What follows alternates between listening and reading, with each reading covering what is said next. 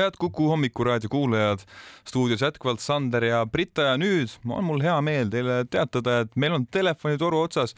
kriminoloog ja professor Jaan Kinter otse Tartust. tere, Jaan, oled sa kuuldel? tere hommikust! enne kui me siin tõsiste teemade juurde läheme, noh, kohtute sellised ülekoormus, erinevad kohtuasjad, teatud kohtuprotsesside vindumine, ma tahaks küsida, et mis teil seal Tartus toimub ometi? reedel, eelmise nädala reedel oli juhtum, kus kolmeliikmeline seltskond käis kohtumaja kinnist ala külastamas ja joonistati ruumide seintele sõjasümboolikat meenutavaid joonistusi.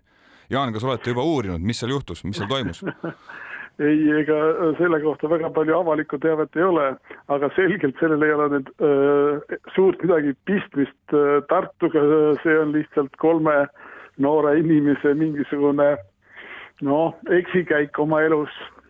ju nad äh, natukene siis äh, pidutsesid liiga palju ja, ja ei, ei taibanud, mida ja kus nad teevad. ma saan aru, et ega kohtunikudki on ju inimese kohtumaja töötajad eeskätt ja, ja kas teie ajaloos olete käinud kunagi mõnel sellisel noh, tööpäeva järgsel istumisel kohtumajas? ei, kohtumajas istumisel ei ole äh, äh, juhtunud käima ja selle teema eh, nii-öelda kokkutõmbamiseks, eh, kas muidu kohtumajadele ja nende rüüstamisele kehtib ka eh, mõneti teine paragrahv, pean eeskätt silmas siis sellist noh, kui politseiniku solvamine on ametivõimu ründamine, eks ole, et kas siin on nii-öelda juriidiliselt ka vahet, kas siis seltskond rüüstab kohtumaja või, või rüüstavad nad mõnda, ma ei tea, veehoidlat? Nii palju, kui mina olen aru saanud, praegu meil majade suhtes mingisugust erikaitset ei ole, et, et jah, võimuesindajad on võimuesindajad, aga maja on maja ja kui seal majas midagi rumalat tehakse, siis see ei muutu sellest, mis maja see on, jah, siin oli selline vahe küll selles, et kas see on avalik koht või mitte ja kuna nüüd see tundus, et oli kinnisel, kinnises kohtumaja osas, siis leiti, et see ei ole avalik ja sellepärast siis need uued paragrahvid käiku siin ei läinud aga kohtumajade jutul ma just teiega, Jaan Kinter, sooviksingi jätkata. Vaatan sellist graafikut Riigi Teatajast, mis ütleb seda, et näiteks Tallinna Sadama kohtuasjad, mis on teadupärast nüüd juba üle nelja aasta kestnud, istungid on planeeritud ka kahe tuhande kahekümne viienda aasta jaanuarini ehk siis aasta veel teie kui äh, staažikas professor, mida te arvate, kas Tallinna Sadama kohtuasjas näiteks, ähm, kas see päriselt ka lõpeb sisulise lahendiga? kas enam on selleks üldse aega? no karta on jah, et see Tallinna Sadama kohtuasi võib ikkagi tõesti äh, lihtsalt sellise äh, susinaga tühjaks joosta, sellepärast siin hakkab see mõistlik koht, mõistlik menetlusaeg täis saama ja samamoodi on ikkagi väga selgelt üleval, et võimalik ikkagi, et tegemist oligi ikkagi ainult siis erasektori altkäemaksuga, siis oleks see asi juba aegunud, nii et karta on jah, et, et siin sisulise lahendini jõudmise tõenäosus on väikeseks jäänud ja sama lugu on ju ka Mailis Repsiga, kes on nüüd ka kohtu ees juba pikemat aega olnud, aga võib-olla kas, kas siis näiteks Mailis Repsi ja, ja poliitikuid, kes on sattunud ähm, kohtuhaamri ette, kas neid võiks eristada see, et äh, mulle tundub, et poliitikud ei taha ennast mitte mingil juhul süüdi tunnistada, isegi kui nad on süüdi, kas, kas sellel võiks olla mingisugune põhjus, et kas nad poliitilises maailmas lihtsalt ei saa endale seda lubada? Või noh, tõepoolest, kui vaadata neid ka Mailis Repsi istungeid, siis on, tahaks ju inimeselt küsida, et miks te ometi lihtsalt kokkuleppele lõpuks ei lähe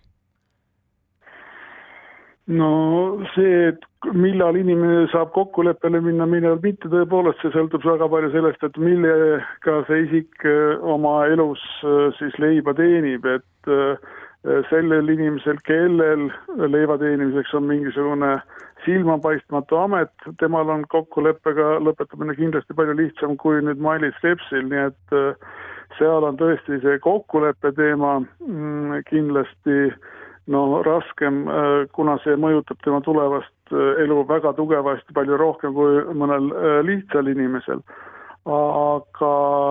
noh. et valijatele seda... ei saaks, valijatele lihtsalt ei saa siis äh, nii-öelda välja selle infoga tulla, et jah, ma olen süüdi? siin ei ole nüüd valijate teema ainult, see on ka, et, et lihtsalt Riigikogu liikmeks ei saa siis, kui isik on kurjategija, tal on karistusregistris kirja, kirjas, siis ta ei saa Riigikogu liige lihtsalt olla ah,. aga jah, ütleme nii, et inimest süüdi ei ole tunnistatud, et, et ma siin äh, sündmustest ette ka ei, ei tõtta. aga selles osas, et äh, nüüd kuidas võidelda ja, ja kas võidelda süüdi tunnistamise eest, siis põhimõtteliselt äh, nüüd tavalised inimesed kah, keegi ei taha sugugi niisama kergelt ennast süüdi tunnistada, no see kokkuleppe teema, see on natuke teistmoodi jah, et, et kokkuleppele on sellise lihtsa inimesega no oluliselt lihtsam jõuda. lugupeetud professor, Tallinna Sadama korruptsiooni süüasi on vindunud ja vindunud ja vindunud ja sinna on tohutu hulk maksumaksja raha äh, noh, läinud lihtsalt huugama. Ma küsiks, et kas äh, meil on õiguslikult riigis midagi valesti, et niimoodi läheb, et mingid asjad lihtsalt kukuvad kokku, ei jõuagi mitte kuhugi? no põhimõtteliselt on see, et, et üles läheb siin ju praegu jah, need nende kohtumenetluste äh, aja teema, et, et, et kui võtta see keskmine aeg, siis keskmiselt me saame kriminaalasjade arutamisega ikkagi äh, piisavalt kiiresti hakkama ja Euroopas näeme selles osas väga hästi välja, aga nüüd, nüüd jah, need mõned konkreetsed kohtuasjad ja eriti paha on tõesti see Tallinna Sadama kohtuasi. no selles osas jah,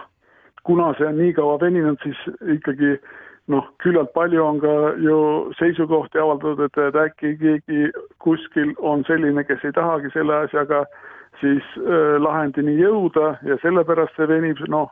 eriti palju hakati sellest rääkima siis, kui nüüd need prokurörid hakkasid vahetuma. ja no mis minu seisukoht siin kipub olema, on, et äh, võimalik, et meil on siis nüüd see kohtute ja prokuratuuri vahel selliste no hoiakute selgeks tegemisel asi läinud natuke käest ära, et prokuratuur on natukene liiga palju kartma hakanud, et äh, kohus öö, äh, ootab palju rohkem tõendeid selleks, et, et otsusele jõuda. Ja võimalik, et, et äh, mõnedes asjades tõepoolest meil prokuratuur noh, pingutab natuke üle, et, et ei oleks vaja nii palju neid öö, tõendeid sinna kohtusse uurimisele ja kaalumisele saata professor Jaan Kinter, ega kahjuks meil väga kaua aega küll ei ole, aga, aga just selle noh, prokuratuuri kohtu, samuti ka PPA töö kohta, me loeme ju viimasel ajal väga palju pealkirju sellest, kuidas PPA vaevleb tõelises ressursipuuduses. samal ajal on olnud siin ju varasemalt teateid meie prokuröride lahkumisest erasektorisse ja nüüd minu küsimus jääbki, et kuhu me, kuhu me niimoodi jõuame, et kas tundub, et pealekasvu sellesse valdkonda pigem ei ole? Või kas ma tunnen valesti? ei noh, selge on see, et, et, et iga riigi institutsioon tahaks endale noh, peale noori säravsilmseid uh, uusi uh, hea südametunnistusega töötajaid. Nüüd äh, sellepärast on ka sellest noh, ikka ja jälle juttu, kuid äh, mina küll ei ole seisukohal, et meil mingisugune katastroof seal äh, kuskil praegu paistma hakkaks, sellepärast et võitlus kuritegevuse vastu meil toimib ja nii prokuratuur kui Politsei- ja Piirivalveamet toimivad päris efektiivselt ja hästi. selge see, et mõlemad nad sooviksid, et neil oleks äh, seda noh, noort ja energilist töötajaskonda rohkem, no mina võin õigusteaduskonna poolt ütelda, et, et, meie ootame täpselt sedasama aga sellel, sellel noodil me lõpetada võiksimegi, et tegelikult äh, professor, kriminoloogia professor Jaan Kinter katastroofi äh, ei näe ikkagi selles valdkonnas pealekasvu mõttes ka ja, ja tõesti suur tänu teile täna hommikul meiega äh, prokuratuuri ja kohtute töö teemal arutlemast, aitäh teile! aitäh ja jõudu kõigile nendele, kes kuritegevuse vastu võitlevad!